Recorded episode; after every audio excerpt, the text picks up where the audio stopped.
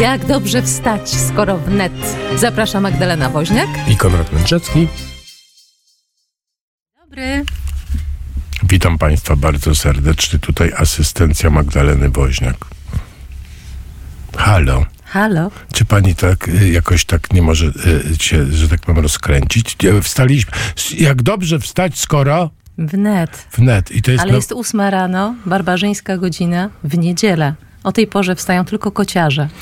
Kociarze i my wstajemy. Ja też wstaję i przejechałem przez całe miasto. Piękne, nasze kochane miasto. O godzinie 6 rano jest cudowna Warszawa, naprawdę. A ja wczoraj stanęłam na polskiej ziemi, przepłynąwszy promem ze Szwecji. Nad y, taką y, kałużą wielką, która się nazywa Morze Bałtyckie, tak? Tak. Tak? I jak się płynęło? Ja płynąłem to dwa razy i było fajnie zawsze. No, No, płynie się bardzo sympatycznie. Tak? Tak. Jak tam y, nastroje w Szwecji? A, Nastroje nie wiem, jakie są w Szwecji. Natomiast ja przez trzy tygodnie byłam w miejscu po prostu zapierającym dech w piersiach. No, Szwecja jest y, absolutnie niezwykłym krajem, jeśli chodzi o przyrodę. Y, Nie byłam w żadnym dużym mieście, nie byłam w Sztokholmie. Byłam na środku w Szwecji. Y, Ci z południa pewnie y, y, mm, no, twierdzą, że to jest już głęboka północ, a, a ci z północy, że to dopiero południe Szwecji. Byłam idealnie po środku. W samym środku w Szwecji. Tak. To bardzo przyjemne. To, czyli ta, tam była taka kwintesencja Szwecji, taka istota Szwecji. można E, e, Tam był e, Carlson z dachu. Pani spotkała Carlsona z dachu? Nie, A Carsona w Bullerbyn pani była? Może? Nie, ale jest coś, co, coś w tym, y, przypomniało mi się z dzieciństwa, ta książeczka Dzieci z Bullerbyn. E, te domki, te dzieci odwiedzające się, bo w Szwecji o- odległość nie ma żadnego znaczenia. Umawiając się ze swoją przyjaciółką, musisz mieć świadomość, że mm, trzeba przejechać 40-60 kilometrów, wypić z nią kawę i wrócić ten sam dystans do domu, e, ponieważ e, osady i domostwa są rozrzucone między sobą. Mm, No, w takim dystansie nawet czasem 5-10 kilometrowym. E, Te wioski zupełnie inaczej wyglądają niż w Polsce. To nie są skupiska, e, ale y, porozrzucane domy. Jest to niezwykle kojące, ponieważ ta architektura i te domy są wszystkie, można powiedzieć, jednakowe. Budowane e, z drewna, murowane domy widziałam tylko i wyłącznie w miasteczkach, przez które przejeżdżałam, wracając e, na prom e, do Nyns, Nyn, nie pamiętam skąd płynęłam. E, Natomiast e, one są z drewna i one są w tym samym kolorycie. Tam, żeby e, Szwed mógł pomalować w innym kolorze niż e, w takim brunatno-bordowym dom, musi wynająć certyfikowanego malarza. Więc nie ma tam żadnego bałaganu. To wszystko jest e, bardzo miłe dla oka, zanurzone w zieleni. No ale pod jeden strychulec taki, tak? No ale to jest bardzo, bardzo piękne. Taki Wiesz, oko odpoczywa, tak. kiedy, kiedy widzi pewną spójność.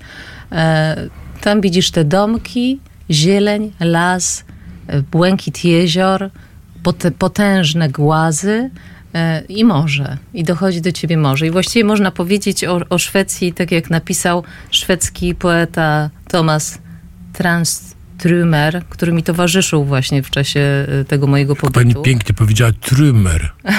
Tak, Trymer. y, Y, tak mówią y. charakterystycznie. Y. E, dowiedziałam się, że y w, w Szwecji, jak są nazwy miasteczek czy osad y, to znaczy to jest wyspa.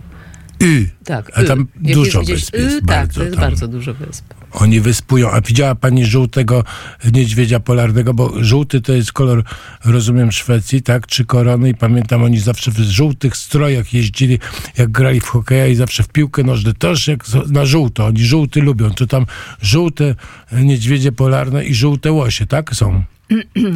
Łosia widziałam, owszem, bo w, w trakcie naszej e, kolacji którejś z... z, z Przyszedł na kolację. Powiedział, dzień dobry, nazywam się Łoś i chciałbym zjeść Nie, oni mieli kamerę przed swoim domem e, i w, która na bieżąco śledziła to, co się dzieje e, pod właściwie no, no, no pod, pod, w ich ogródku. No i jedząc sobie muszę to powiedzieć, serce łosia, wędzone serce łosia. Tego nie powinna pani mówić, bo ja po prostu serce Widzieliśmy właśnie łosia bo ja łosia podchodzącego pod, pod ich domostwo. Matkę z, z małym takim I, ona, tak, I ten łoś przyszedł patrzeć, jak pani je serce łosia innego, tak? Można To, tak to powiedzieć. powiedzieć, tak? To nie wiem, nie miała pani wyrzutów sumienia? Jak kiedyś mawiano w Polsce sumienia, bo to było kiedyś tak się mówiło, sumienia. Niestety, jak się je takie dobre rzeczy, to wyłącza się sumienie. To Sumienie bardzo przykre, ale muszę to wyłącza. powiedzieć. Jednak obżarstwo wygrywa. Ojej, proszę państwa, no coś niesamowitego. To, Ale miałam przyjemność tam spotkać Polkę, która mieszka od 40 paru lat, e, Mirę Eriksson, wdowę po, po, po, po panu Eriksonie. E, niezwykle kolorową postać, takie ptaszystko kolorowe, papuga, mogłabym powiedzieć, jeśli chodzi o jej energię i osobowość. Niezwykła absolutnie mm, pani. I udało mi się z nią porozmawiać. Ona mnie zaprosiła do siebie na tak zwaną banię. I w taką właśnie dżdżystą pogodę jak dzisiaj siedziałyśmy sobie w gorącej 40-stopniowej bali. Pluskałyśmy się, patrząc e, na jezioro, właściwie na Zatokę Botnicką e, i pogadałyśmy sobie. ale to Bania ma takie okna też przezroczyste, że można popatrzeć sobie? Czy ona jest taka właśnie, na bo ja sobie siedziałyśmy. wyobrażałem taką bardziej zewnątrz. zamkniętą. Siedziałyśmy na zewnątrz. To taka bania zewnętrzna. Tak. To no fajna to co? bania. Chcesz posłuchać? To jak bardzo, bo, bo pani zrobiła wywiad, tak? No tak, no właśnie o tym No mówię. właśnie, i to właśnie to jest takie intro do tego wywiadu, tak? Którego posłuchamy z panią ze Szwecji, z panią Mirą Erikson. Wczoraj też była pani Mira e, u, u mnie, ale to, to jakoś tak, jakoś tak pani Miry się nam rozmnożyły na antenie Radio Wnet. No to, To bardzo ładne imię. to posłuchajmy. Kiedy przyjechałeś do Szwecji? 1975 rok, maj, miesiąc maj. Ale przyjechałaś do pracy, czy przyjechałaś e, Nie, do kochana, odwiedziny? przyjechałam rodzić. Byłam e, w dziewiątym miesiącu ciąży, uciekłam z polskiego szpitala. Bo mój mąż wszedł ze mną do szpitala, e, bo ja się znalazłam w szpitalu, miałam jakieś tam lekkie bóle. No i nie dali mi jeść przez całą dobę i mąż mój Kryster jak wszedł i przeciągnął palcem, nigdy nie zapomnę, po framudze i kurz był, to wziął mnie za rękę do taksówki w tym szlafroku szpitalnym i do domu y, w kapciach i do Szwecji, do szpitala wiózł mnie. Ale on był Szwedem. Tak. Pierwszy mąż był Szwedem. A gdzie go poznałaś? Ha! Na dyskotece w Łazienkach Północnych Sopot. A, kapitalnie. Od razu żeśmy się pierwszego wieczoru zaręczyli.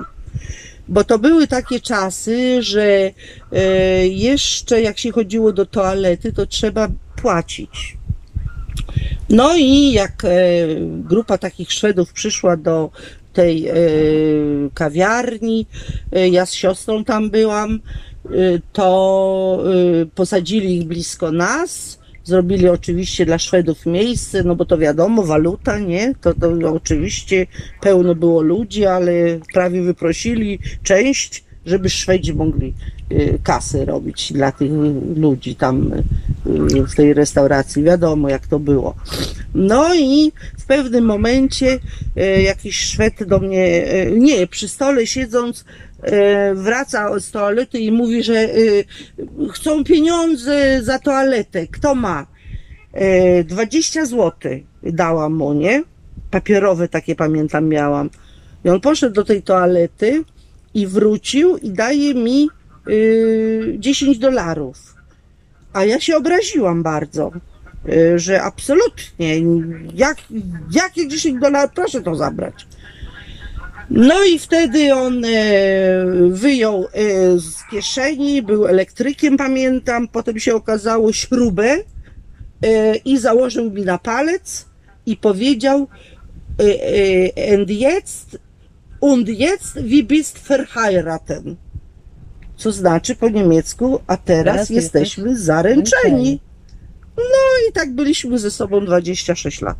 Zaręczenie. Nie, mąż i żona. Tak, oczywiście. No. Tak Ale- poznałam Szweda. Ale w, w, wracając do tego y, tutaj powrotu takiego szybkiego, kiedy się znalazłaś tu w 75 roku i tu urodziłaś? Tak, tak, Mhm. tak.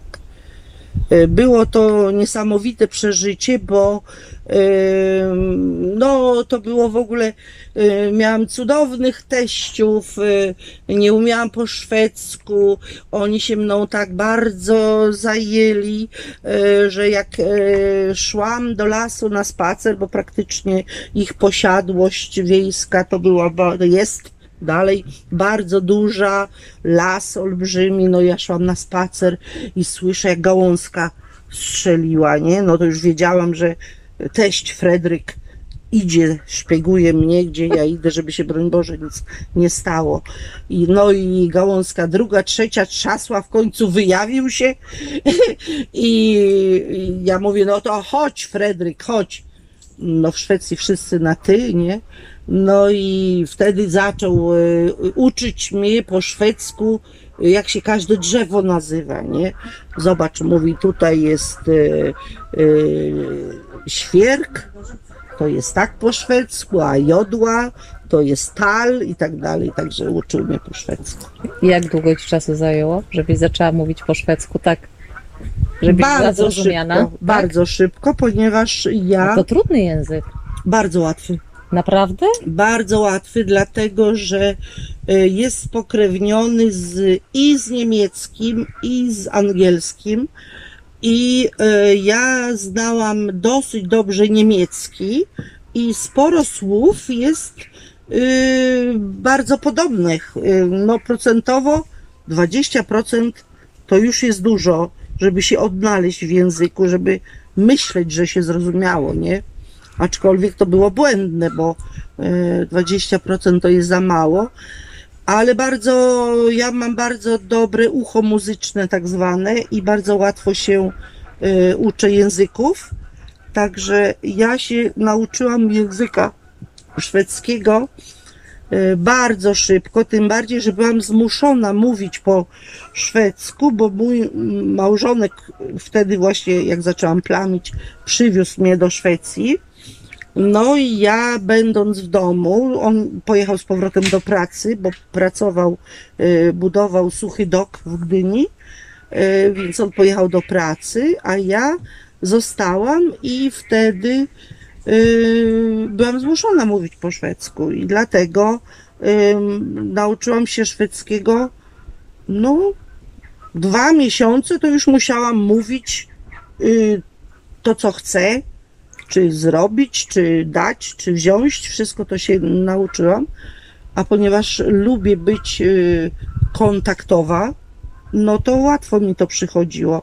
I miałam taki sposób na naukę języka szwedzkiego, że postawiłam sobie za cel codziennie nauczyć się y, 50 słówek i spać ze słownikiem y, pod poduszką. Pomogło? Oczywiście, to jest prawda. Szwedzi są kontaktowi? Bardzo. Tak jak wszyscy ludzie na świecie, jak się sama otworzysz. Czyli trzeba być szczerym i otwartym w Tak. stosunku do nich, oni tacy sami są. Tak. Czyli to są mity, bo mówi się o Szwedach, w ogóle o, o Skandynawach, że są bardzo pozamykani, że się nie uśmiechają, że są zdystansowani. No jak powiem coś śmiesznego, to się będzie śmiał. No jak będę sama wyglądała jak y, półdupek z zakrzaka smutny, no to wiadomo, że nikt się nie będzie uśmiechał do mnie. A twój mąż jak długo, jak długo mieszka, mieszkaliście w Polsce, na Wybrzeżu? Y, mieszkaliśmy trzy lata. Trzy lata. I Mhm. już od tego, od twojego porodu, tak? Mhm. Już zamieszkaliście tutaj. W Szwecji. Szwecji. Tak. Gdzie teraz jesteśmy? Jesteśmy w przepięknej miejscowości, która leży y, nad zatoką, to znaczy nazwa to jest Tyndere i Tynder to był taki wiking szwedzki, a E to jest wyspa. I kiedyś Tyndere było wyspą, ale wiadomo, jak wszystko w życiu się zamoliło. No więc teraz to jest półwysep. I y, my tutaj mieszkamy y, nad tą zatoką. Ile lat tu mieszkacie? No ja przyjechałam tu w 75 roku w maju, a teraz mamy Mhm. 2022. tak jest i mało tego koniec września i zobacz jak pięknie. Pięknie. Gdzie my jesteśmy? My siedzimy w wodzie, ale gorącej, bo siedzimy, jak ty to Tak. mówisz, Mira, w To- garnku. Tak, my siedzimy w garnku i nie Czyli będziemy, Bali. tak, nie będziemy gotować ani jeść, tylko moczymy się, bo to jest no, po angielsku taka nazwa hot tub. Mhm. E, po szwedzku to balija na przykład. E, no to jest taki, taka wanna okrągła z piecem na zewnątrz. E, pali się drewnem, e, podgrzewa się wodę, którą się najpierw pompuje z zatoki do umytej wcześniej e, plastikowej balii i się podgrzewa do 38-40 stopni. E, To jest tak na zasadzie sauny mokrej. A wcześniej były drewniane te balie, bo widzę tam na zatok. Tak, Tak? tak. Mhm. Yy, Jak beczki trochę. tak, Mhm. one dalej są, ale one są, myśmy też taką mieli, ale one są dosyć y, trudne w utrzymaniu higieny, bo po każdym razie trzeba tą, no nie trzeba, no ale my robimy ze względów higienicznych, ponieważ też prowadzimy działalność turystyczną i wypożyczamy ten hot tub dla naszych gości za y, opłatą. No więc y, za każdym razem jest woda zmieniana na morską nową i myjemy tą balię. Szczeka Tosia. Tak. Tosia to jest maltańczyk. Maltańczyk, który miał być przywieziony z Malty, ale został kupiony w Polsce w Skurczu. No właśnie. Podróżujesz, prawda? Bardzo Dużo. dużo, tak. Spędziłaś tutaj y, ile zim? O! 47 zim. To bardzo jesteś dzielna, bo myślałam, że tutaj zimy są y, cię- ciężkie do przeżycia. Nie, tutaj zimy są przecudowne. Taką zimę życzę, żeby każdy człowiek, e, przynajmniej w Polsce, no nie już na świecie, ale w Polsce, żeby przeżył. Dlatego zapraszam serdecznie wszystkich, kto tylko ma jakiś środek lokomocji i może przyjechać do Szwecji na Zimą. północ Mhm. zimą że to jest zupełnie co innego niż jechać y, na Zanzibar czy do Grecji. Y, Przyjechać zimą do Szwecji, ale na północ, bo od połowy Szwecji na południe to jest też ciepło. To jest taki klimat jak w Polsce zima. A już od nas, od Sundsvall, Sundsvall leży dokładnie na środku Tak. Mhm. Szwecji, więc to jest y, druga połowa, ta północna można powiedzieć, y, Szwecji. I jakieś 25 lat temu to były zimy srogie, bo śniegu mogło napadać 4-5 metrów, że się jeździło jak w tunelu, a teraz to jak 2 metry napada, no to to jest bardzo dużo, także Czyli klimat też tu się w Szwecji zmienił. bardzo się zmienił. Teraz może być praktycznie śnieg pierwszy dopiero jest ewentualnie pod koniec stycznia. Może być na święta. Ale szybko się robi ciemno. Tak. I to jest coś cudownego. Naprawdę? Tak. Bo wyobraź sobie, że mm, Szwecja północna jest tak skonstruowana, że y, latem jest na okrągło jasno, dzień i noc. O godzinie 12 możesz czytać gazetę. Na podwórku, bez światła. Jest takie światło cudowne. I wszystko rośnie dzień i noc. Także jak posadzę groch yy, do ziemi, yy, nasionka wsadzę w czerwcu i to najlepiej po 6 czerwcu, żeby yy, nie marzło już, nie było przymrozków, więc yy, to musi zdążyć wykiełkować, urosnąć, zaowocować mm, i tak dalej, żeby to dojrzało. Więc, y, a zbiory mamy już y, typ koniec lipca.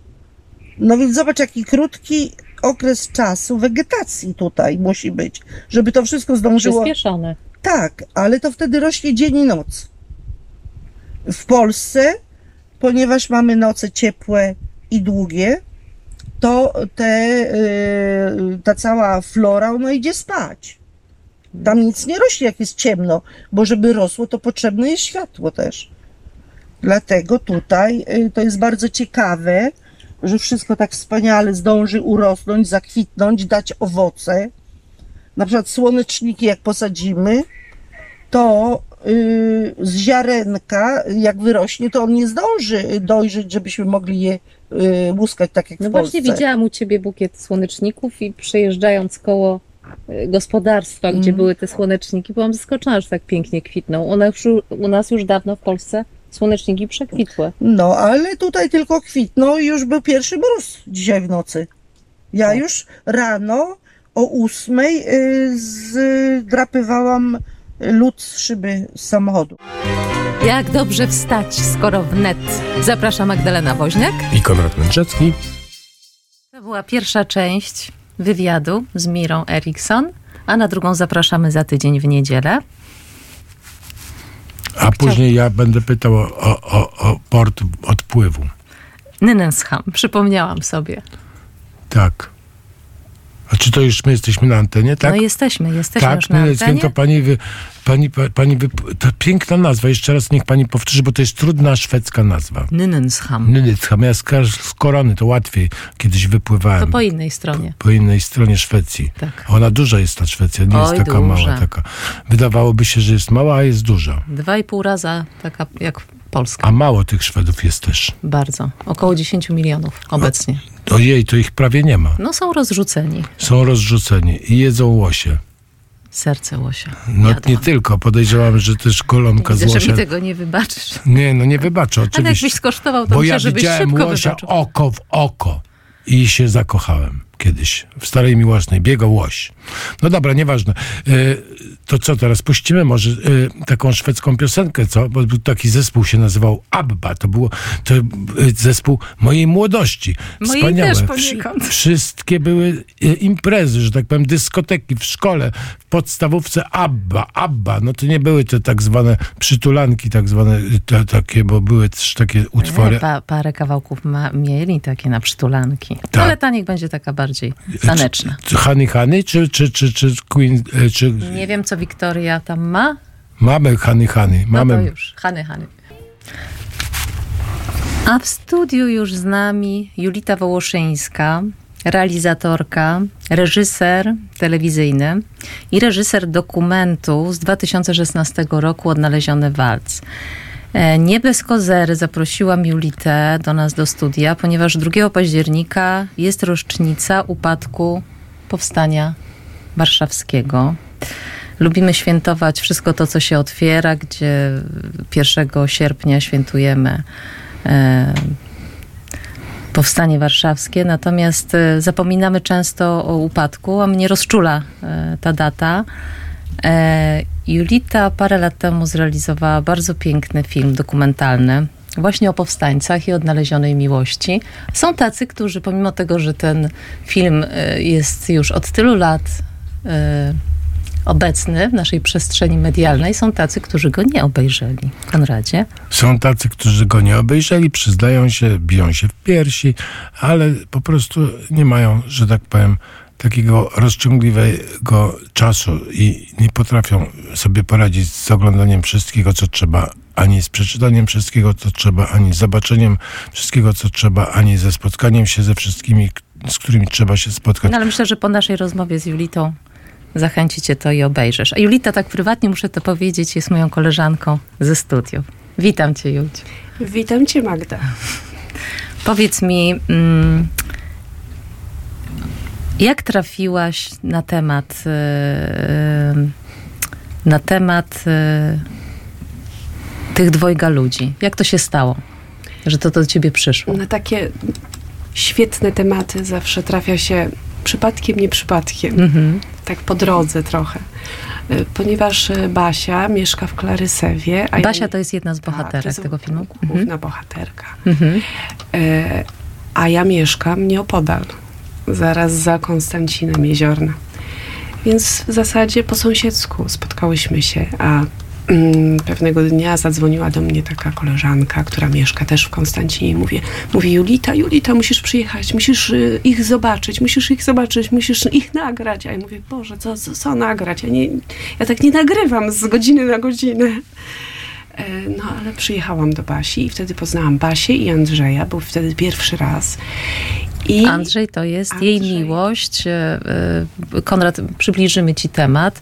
E, Basia Żugajewicz w wieku 15 lat poznaje Andrzeja, nie pamiętam nazwiska, Julita, pomóż mi. Andrzej Budzyński. Andrzeja kolega, Budzyńskiego. Kolega jej brata ze tak, szkoły. ko- kolegę brata ze szkoły, mającego 17 lat i y, zakochują się w sobie.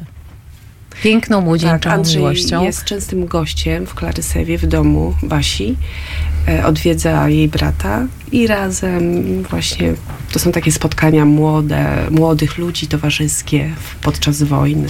No i wybuch powstania warszawskiego jakby rozdziela tych dwoje na ile? Oj, ponad 70 lat. Na ponad 70 lat.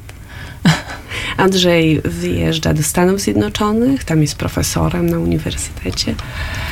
E, I zupełnie przypadkiem trafia na Basię znowu, czytając jakieś wspomnienia właśnie Basi. Kiedy był już wdowcem, tak? Był już wdowcem, Basia była wdową i w ten sposób ją odnajduje przez internet. Mhm. Czyli ten internet nie jest taki zły, ani te media społecznościowe Tak. i tak dalej. Pisze do niej list, taki zaczepny, licząc, że coś tam Basia odpowie, no i Basia odpisuje, zapraszając go. Bo Basia jest bardzo też obecna w, mm, jako gość e, i w ogóle jako bohaterka muze Muzeum e, Powstania Warszawskiego, prawda? I tam Tak. jest też dużo jej, jest biogram bardzo interesujący, długi na temat jej Basia działalności. Dla powstania udzieliła długiego wywiadu i ten wywiad właśnie, na ten wywiad właśnie trafił Andrzej, go przeczytał. Jak Basia zareagowała? Znaczy Basia, y, Basia na pewno, to Basia jest bardzo młoda mimo swojego wieku. Duchem, ponad tak. 90 lat, ale ma bardzo młodego ducha i jest taka bardzo dziewczęca w sposobie bycia, myślenia, też tak, taka jest niezwykle emocjonalna, taka bardzo wrażliwa. I, no i Basia zareagowała emocjonalnie, jak to Basia. Jak prawdziwa Jak kobietka. prawdziwa kobieta, no jest bardzo kobieca, bardzo taka zalotna. Mhm. Ona jest tą osobą z tych czasów, kiedy y, jeżeli z kimkolwiek, choćby na sekundę trzeba było się spotkać, to trzeba być bardzo dobrze przygotowanym na to spotkanie. Tu mucha nie siada. Mhm. Basia zawsze czeka. Basia y, jest idealnie ubrana, Basia jest uczesana idealnie, pomalowana idealnie i wygląda idealnie zawsze. Wszystko musi być perfekcyjne. Także tutaj Mhm. no, to było niezwykłe spotkanie właśnie Basi. Ile razy y, oni mieli, y, bo y, Andrzej już nie żyje. Tak. E, te spotkania trwały przez y, dwa lata. No, ja, około dwóch lat. Mhm. Andrzej w tym czasie był trzy razy w Polsce. No i tak na dwa, trzy tygodnie przyjeżdżał, odwiedzał Basię. Nawet były plany, żeby może jakoś może się uda, żeby on się przeprowadził, ale no Bo Basia nie mogła tam e, po, polecieć do niego, tak? Basia To- nie mhm. mogła już Mhm. polecieć. To już, Jej stan zdrowia na to nie Yy, pozwalał. Tak, tak, już, już za bardzo była chora. Mm, Żeby już ta, ta podróż samolotem już była niemożliwa. No ta, ta miłość taka piękna, najczystsza, agape, uniwersalna, ponieważ oni jako młodzi ludzie, w, myślę, że nawet się nie pocałowali. Też tak myślę. Basia tego nie zdradziła. E, No ale tak, tak myślę, że w tamtych czasach też taka była, no takie było wychowanie młodych ludzi, że, że na pewne rzeczy w- musiał tak. przyjść odpowiedni czas. Tak, tak, to było takie, to było takie też niezwykłe, bo to było takie ogólnie przyjęte i naturalne. Tutaj nikt się nie buntował i y, żaden młody człowiek nawet przez myśl nie przeszło Basi, że mogłoby być inaczej, Tak, że ona zła. jed, ona w jednym z tak. wywiadów też mówiła Tak. o tym, że to nie o to chodziło, że się bali rodziców, czy to były jakieś e, ograniczenia z powodów religijnych. Absolutnie. To Nie, po prostu e, tak ludzie młodzi byli wychowani z ogromną estymą i w sposób, w jaki do siebie się zwracali, w jaki sposób z sobą przebywali. To było niezwykłe, to było cudowne. To było tak piękne, ten że świat, dech zapiera. ten świat już nas, obawiam świat, się, tak, nie dotyczy już- już niestety. przeminął. Mhm. Już przeminął. Czyli Basia straciła go tak naprawdę dwa razy, tak? Z tym, że ta pierwsza strata, no taka w, No pierwsza Straszna, strata była bez domysłów, nagła, tak, nieoczekiwana i taka, że nawet nawet mało odczuwalna chyba, bo tyle się działo dookoła, że czuło, no ona walczyła o przetrwanie, tak samo jak Andrzej walczył o przetrwanie. Em, najpierw była walka podczas powstania, potem była walka o życie po wojnie już. Więc oni nie myśleli o miłości, o tym, że chcą się ze sobą spotkać, tylko walczyli o życie. No oni byli narażeni później y, przez, no, no UB im zagrażało, tak? Tak, Basia była bardzo prześladowana, Mhm. była torturowana, bita wielokrotnie i tak jak ona mówi, że do swoich, do końca swoich 30 lat cały czas miała UB na karku, tam cały czas za nią chodzili, cały czas no, prześladowali ją. Była dwukrotnie mężatką. Była dwukrotnie mężatką, no, obaj mężowie dwukrotnie wdową. Mhm. No i to za trzecim, po raz, za trzecim razem odnalazła Andrzeja. Już u schyłku. Jak Jego teraz, życia. Jak, jak teraz Basia się czuje? No właśnie, miałam okazję, przyjemność być u niej. Odwiedziłam ją dwa dni temu. Basia czuje się tak jak zawsze. To znaczy, Basia nie, nie dużo mówi o tym, jak się czuje. Zresztą ona zawsze mówi, że, że nie można y, swoją starością, czy takim właśnie podeszłym wiekiem zbyt epatować, bo ludzie tego nie lubią. To, są jej, to jest jej taka już mądrość życiowa. E, Basia jest zawsze energiczna, zawsze bardzo ciepła, zawsze taka wzruszająca i em, zawsze przyjmująca drugą osobę w sposób taki niezwykły. Cała Basia. Julciu, powiedz mi, jak myślisz, dlaczego los dał ci taki temat do opowiedzenia?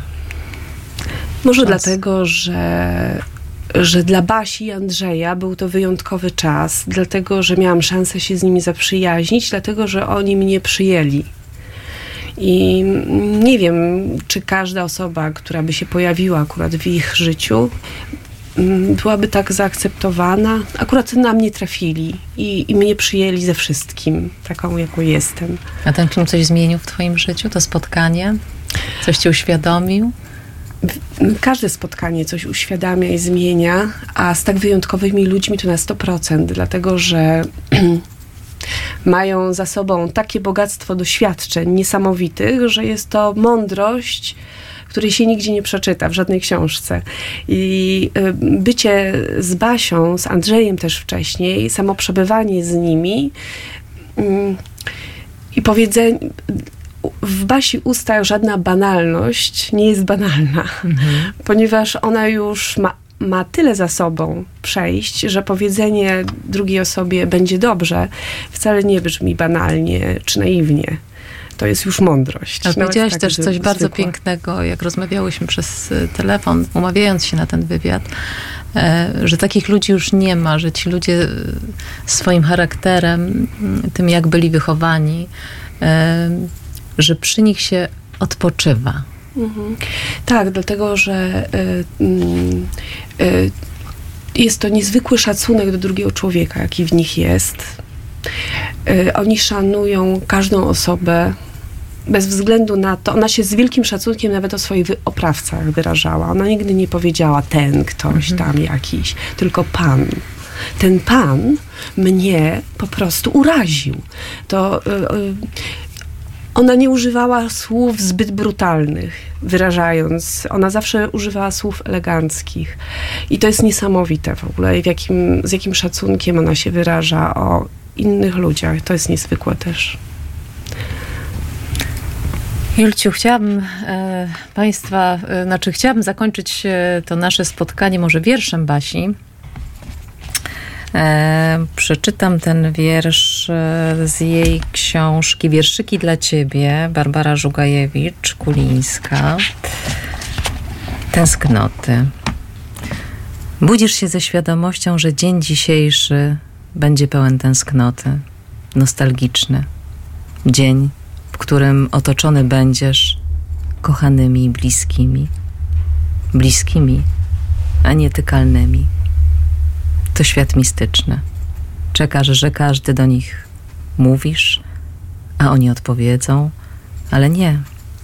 Milczą, chociaż wszystko wiedzą. Czekasz na jedno słowo, na jedno zdanie. Są przecież. Czujesz, ale oni milczą. I takie jest właśnie z nimi obcowanie. Julitko, bardzo Ci dziękuję. Mam nadzieję, że widzimy się za tydzień, bo jeszcze masz bardzo ciekawy projekt, który niedawno zrealizowałaś i chciałabym, żebyś nam o nim opowiedziała. A teraz posłuchamy piosenki, która została przygotowana specjalnie przez panią redaktor Magdalenę Woźniak na tą okazję. Napisana przez Romana Kołakowskiego y, z dedykacją specjalnie dla Basi Żugajewicz. Krwią i blizną Barbara Żugajewicz Rok urodzenia 1928 Pseudonim Zula Sanitariuszka Proszę Państwa, wspomnienie świętego Franciszka to jest bardzo taki święty na czasie, bym powiedział. Za bo dwa on- dni, Konradku, za dwa dni. Nie, dokładnie jest y, czwart, naraz, czwartego, tak? A Dobrze mówię? jest drugi chyba. Nie, trzeciego. Dzisiaj jest drugi, czyli jutro. Trzeciego, Dobrze. tak? Trzeciego To jest wspomnienie, tak, i to jest. I w związku z powyższym łączymy się z bratem, z bratem Andrzejem Zającem, Franciszkaninem. Dzień dobry. Dzień dobry, pokój dobro. No właśnie, święty Franciszek e, tutaj na antenie Radia Wnet bardzo, bardzo e, jest często obecny ostatnio. Wczoraj rozmawialiśmy o ikonografii świętego Franciszka e, i ja mam przed oczami cały czas ten fresk Giotta, kiedy on rozmawia z ptakami. Ale pytanie moje jest takie, co możemy z Franciszka teraz właśnie, tym bardziej, że mamy papieża Franciszka, no to, który się jakby przyznaje do, do dziedzictwa Franciszka jak najbardziej. E, jak to z Franciszkiem teraz jest w Polsce? Y, Zanim odpowiem na pytanie, szybciutko tylko wyjaśnienie. 3 października wieczorem Franciszek zmarł, natomiast wspomnienie liturgiczne jest rzeczywiście 4 października. To tak tylko dla, dla wyjaśnienia. Y, Już mówię, no, Franciszek y, to jest przede wszystkim człowiek y, pokoju. On czuł się wezwany do tego, żeby, żeby zaprowadzać pokój, gdzie się tylko da. Zresztą w swoim testamencie on wprost pisze, że to jakby z woli Bożej, że to sam Najwyższy objawił mu, że powinni używać pozdrowienia niech Pan da Tobie pokój. Y, Dla niego to pozdrowienie to nie było tylko, to, to nie była tylko kwestia brzmienia jakiegoś y, słowa czy jakiegoś zdania, ale on miał świadomość, że to pozdrowienie jest wyrazem jakiegoś pragnienia, jakiegoś życzenia, jest jakąś formą błogosławieństwa dla, dla, dla drugiego człowieka, czy w ogóle dla jakiejś, jakiejś społeczności. I można powiedzieć, że to jest jedna z takich głównych charakterystyk Franciszka, właśnie zaprowadzać pokój. Z tym, że on ten pokój rozumiał, a widzimy to też w jego tekstach, kiedy życzy prawdziwego pokoju z nieba. Znaczy, jak on rozumiał pokój? Pokój to jest coś, co Bóg daje człowiekowi. To pokój nie jest nawet czymś, co człowiek sam jest w stanie wypracować, ale jest bardziej właśnie otwarciem się na to wszystko, co Pan Bóg y, y, człowiekowi może dać. To jest jakby pierwsza rzecz taka, mm, powiedziałbym, aktualna. Druga rzecz natomiast to jest, y, zresztą kolejność, to, to już możemy sobie każdy według swojej wrażliwości ustawiać. W dzisiejszym świecie, który na pewno jest mocno zmaterializowany, Franciszek jest takim przykładem człowieka, który widzi wielowymiarowo całą rzeczywistość nie? I, i przede wszystkim stara się dostrzegać głębie i ten duchowy wymiar całej rzeczywistości, czy to stworzenia, bo skąd bierze się to, z czego Franciszek też jest znany, cała ta jego miłość do stworzenia, do, do, do zwierząt, do, do roślin.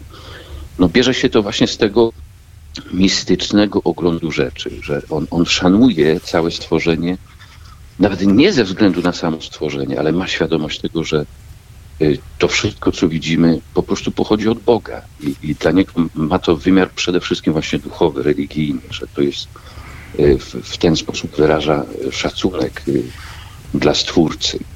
Czyli wyszliśmy wszyscy z, z, z ręki tego samego Boga.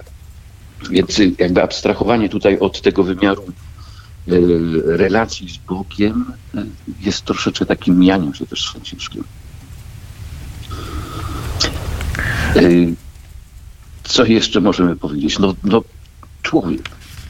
Franciszek postrzega drugiego człowieka też jako dar od Boga. On też chociażby w swoim testamencie pisze o tym, kiedy Pan dał mi braci. On tych chłopaków, którzy przychodzą do niego i chcą dzielić razem z nim życie, nie postrzega jako kogoś, kto się, nie wiem, napatoczył, nagle przyszedł, bo, bo, bo, bo taki pomysł mu strzegł do głowy. E, on widzi w tych y, osobach po prostu dar od Boga. Dla niego człowiek jest, y, jest darem. I myślę, że w dzisiejszym świecie to też jest nie, nie, niezwykle ważne. I, I, kiedy my umiemy postrzegać w drugim człowieku, niezależnie z, z jakiej opcji, jak on myśli, rzeczywiście dar od Boga, yy, mamy dla niego jakiś no przede wszystkim szacunek, dlatego, dlatego że jest człowiekiem. E, no to widzimy, że nasze otoczenie zaczyna zupełnie inaczej funkcjonować. No, właśnie, u, pamiętam, że u Tomasza Scylano w drugim życiorysie świętego Franciszka jest taka piękna historia o tym, jak już bardzo słaby e, Franciszek jedzie na osiołku i spotyka wieśniaka, który pracuje w polu i ten wieśniak mówi do niego mniej więcej czy ty jesteś ojcem Franciszkiem, bądź takim, jakim jesteś. I, no i Franciszek mhm. wtedy bardzo słaby schodzi z tego osiołka i bardzo głęboko się kłania e, właśnie wieśniakowi. To, to, to taka historia, którą sobie przypominam i niezwykle taka budująca, bym powiedział. E, tak. Tak, no, dla niego on po prostu widział wartość drugiego człowieka. Zresztą jeszcze można powiedzieć takie e, sztandarowe wydarzenie, które też on w testamencie wspomina y, i, i, widzi w tym wydarzeniu jakby ten moment kluczowy w jego życiu nawrócenia, y, no to jest spotkanie z trędowatymi. Że on właśnie przed tym momentem przełomowym, on trędowatych odrzucał, bo oceniał ich y, właśnie tak, jak oceniało społeczeństwo. I oni żyli poza marginesem społecznym, poza miastem. I, i on uznaje też, że to się stało dzięki jakiemuś działaniu łaski Bożej. Bo mówi wprost, Pan wprowadził mnie między nich i okazywał im miłosierdzie. I to, co uznawałem za gorzkie, zmieniło mi się w słodycz duszy i ciała. Y, czyli to doświadczenie drugiego człowieka, nie? że, że Franciszek mm, jest, jakaś, jest też taki moment przełamania wewnętrznego, nie? że on miał jakieś wyobrażenie o tych ludziach, że na nich nawet się nie da patrzeć. A potem nagle, kiedy staje wobec nich, okazuje im miłosierdzie, okazuje im dobroć, miłość, e, nagle doświadcza czegoś zupełnie innego. To, co przerastało jego, jakby to zaprzeczało jego wcześniejszym wyobrażeniom.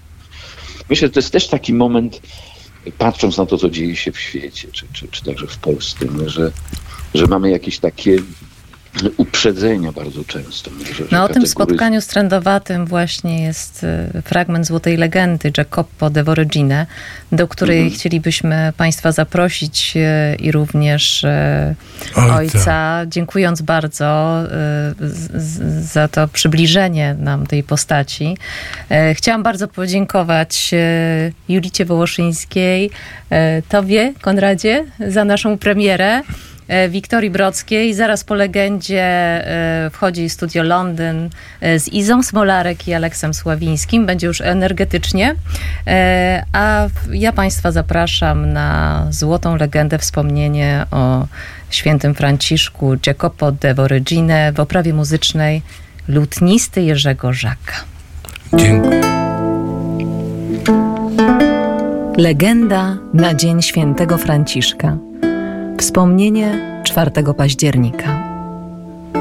Franciszek, sługa i przyjaciel Najwyższego, urodził się w mieście Asyżu. Był on kupcem i aż do lat dwudziestu trawił czas na lekkomyślnym życiu. Wtedy Pan dosięgnął go biczem choroby i w jednej chwili przemienił go w innego człowieka, tak że począł w nim już przemawiać duch proroczy. Pewnego razu bowiem Franciszek wraz z wieloma innymi współobywatelami pochwycony został przez Perugieńczyków i wtrącony do srogiego więzienia. Wszyscy inni pogrążyli się w smutku, a tylko on jeden był wesoły. Gdy go współwięźniowie za to ganili, rzekł do nich: Wiedzcie, że dlatego raduję się, iż stanę się świętym i cały świat modlić się będzie do mnie. Pewnego razu udał się w pielgrzymce do Rzymu, a tam zdjąwszy swoje szaty, włożył ubranie ubogiego i zasiadł pośród innych biedaków pod kościołem świętego Piotra i jadł wraz z nimi łapczywie tak, jak gdyby był istotnie jednym z nich. Byłby też częściej czynił podobne rzeczy, gdyby się nie wstydził znajomych. Odwieczny wróg usiłował odwrócić jego serce od zbawiennych poczynań. Dlatego też często przywodził mu na myśl pewną kobietę z jakiego miasta, szkaradnie garbatą, i groził, że stanie się podobny do niej, jeśli nie odstąpi od tego trybu życia, jaki rozpoczął. Pan jednak, dodając mu sił, rzekł doń: Franciszku, jeśli chcesz mnie poznać, to gorycz musi stać się słodką dla ciebie, a sam sobą musisz pogardzić. Pewnego razu Franciszek spotkał na swej drodze trędowatego i choć z natury bardzo się brzydził takimi ludźmi, to jednak, przypomniawszy sobie głos Boży, podbiegł doń i ucałował go, a wtedy trędowaty natychmiast zniknął. Franciszek udał się zatem do mieszkań trędowatych, całował pobożnie ich ręce i ofiarowywał im pieniądze.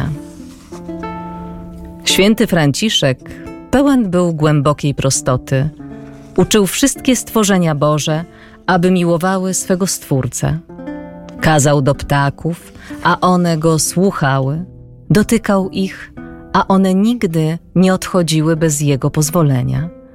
Jaskółki, które ćwierkały, gdy on nauczał, milkły natychmiast na jego rozkaz. Obok celi świętego Franciszka w Porcjunkuli siedział na drzewie figowym świerszcz i często śpiewał. Mąż Boży tedy wyciągnął rękę i zawołał go. Bracie mój, świerszczu, przyjdź do mnie. A on natychmiast usłuchał rozkazu i przyszedł do jego ręki. Wtedy święty rzekł: Śpiewaj, bracie mój, i chwal Pana Twego. Świerszcz tedy zaraz począł śpiewać i nie odszedł, póki święty mu nie pozwolił. Zbierał na drogach robaczki, aby nie zdeptały ich nogi przechodzących. Pszczołom zaś kazał w mrozy zimowe dostarczać miodu i najlepszego wina, aby nie zginęły z głodu. Wszystkie zwierzęta nazywał swoimi braćmi. W dziwny i niewysłowiony sposób radował się miłością Stwórcy, gdy spoglądał na słońce, księżyc i gwiazdy i wzywał je, aby kochały swego Stwórcę.